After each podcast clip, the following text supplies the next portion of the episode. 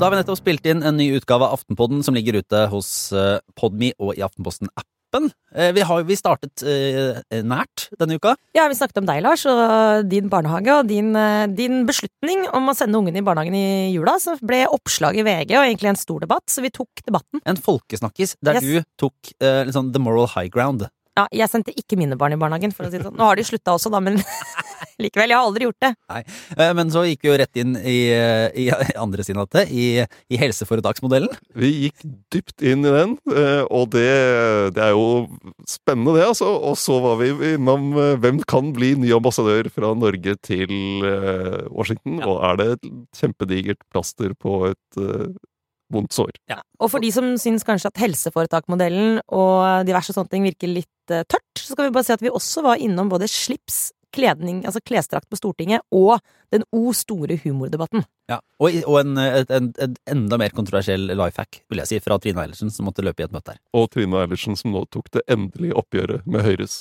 Tina Bru. Altså, i det hele tatt, for en pakke! Eh, løp og lytt, den ligger ute i Aftenposten-appen eller hos eh, Podme, altså.